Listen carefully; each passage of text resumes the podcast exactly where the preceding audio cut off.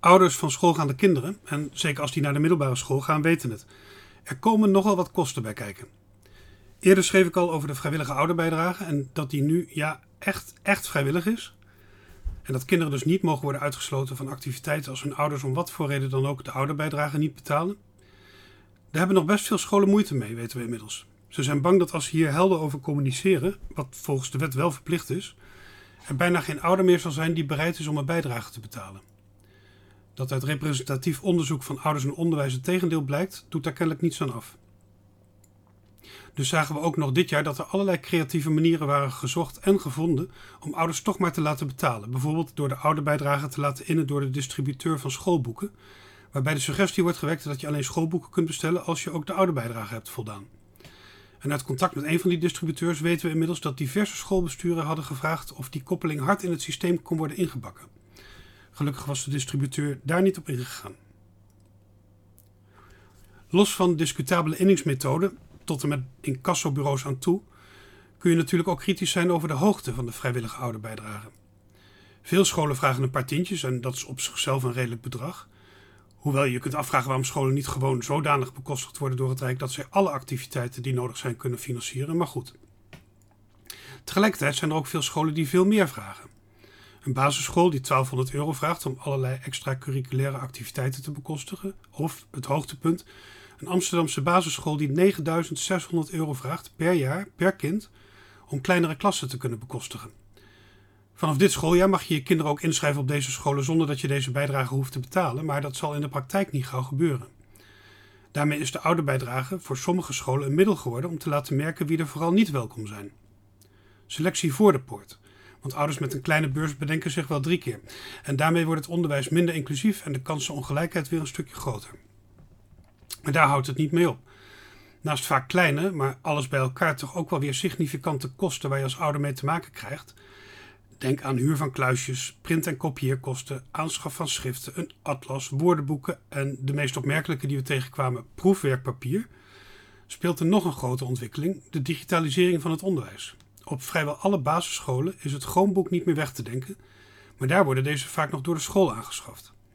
In het voortgezet onderwijs is het bij de meeste scholen inmiddels noodzakelijk dat je kind beschikt over een zogenaamd device, veelal een Chromebook, maar soms wordt ook een laptop verwacht. En die worden niet door de scholen aangeschaft, dat moeten de ouders zelf doen. Sinds 2008 zijn in Nederland de schoolboeken en andere lesmaterialen gratis. Een beslissing die door een lange en succesvolle lobby van onder andere de ouderorganisaties tot stand is gekomen. Voor die tijd moesten de ouders de schoolboeken aanschaffen. Sinds 2008 krijgen de scholen een budget per leerling om die lesmaterialen aan te schaffen, zo'n 322 euro per jaar per leerling. Devices worden echter niet beschouwd als lesmateriaal en komen dus voor rekening van de ouders, net als rekenmachines.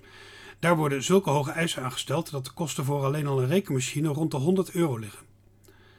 Laptops of Chromebooks kosten rond de 450 euro en veel ouders kiezen ervoor deze inclusief service te huren voor rond de 15 euro per maand als je goed inkomen hebt, misschien te doen, maar voor veel ouders zijn het uitgaven die direct ten koste gaan van eerste levensbehoeften. Terwijl we eigenlijk met elkaar vinden dat onderwijs gratis zou moeten zijn, vooral vanuit het perspectief van het bestrijden van kansenongelijkheid. De verschillen tussen kinderen zijn al zo groot. Elke vier jaar wordt de wet op de gratis leermiddelen geëvalueerd en in dat kader heeft het ministerie aan de onderzoeksbureaus Regioplan en SEO gevraagd onderzoek te doen naar de uitwerking van de wet. De resultaten van dit onderzoek zijn recent verschenen en de onderzoekers zijn heel duidelijk. Bijna twee derde van de docenten stelt dat de opdrachten die ze geven niet zonder device kunnen worden uitgevoerd. Tegelijkertijd stellen de onderzoekers vast dat het overgrote deel van de scholen nu al niet uitkomt met de 322 euro die ze per leerling voor leermiddelen ontvangen. Bijna 70% van de scholen is meer kwijt, onder andere omdat digitale leermiddelen per saldo duurder zijn dan analoge wat dus ten koste gaat van zaken waarvoor dit geld eigenlijk is bedoeld, met name de inzet van onderwijzend en ondersteunend personeel. Geen wonder dus dat de scholen beducht zijn voor de aanschaf van devices, want daar hebben ze eenvoudigweg de financiële middelen niet voor. Terwijl het ministerie stelt dat als ouders geen device kopen en deze wel nodig is voor het onderwijs, de school verantwoordelijk is voor een oplossing. In de praktijk worden ouders in zo'n geval veelal verwezen naar de gemeente, die hier doorgaans geen regelingen voor heeft, of stichting leergeld en vaak zonder resultaat. Dit terwijl de oplossing simpel is. Iedereen wil dat onderwijs in gelijke mate voor alle kinderen toegankelijk is. Als je elk kind bij de start van het leven een gelijke uitgangspositie wil geven, en dat willen partijen van links tot rechts op het politieke spectrum, dan moet de toegang tot het onderwijs niet afhankelijk zijn van de beurs van de ouders. Daarom is het onvermijdelijk dat de Rijksbijdrage voor leermiddelen substantieel wordt verhoogd en voldoende wordt om ook de noodzakelijke aanschaf van devices voor alle leerlingen te faciliteren. Binnenkort debatteert de Tweede Kamer hierover met de minister.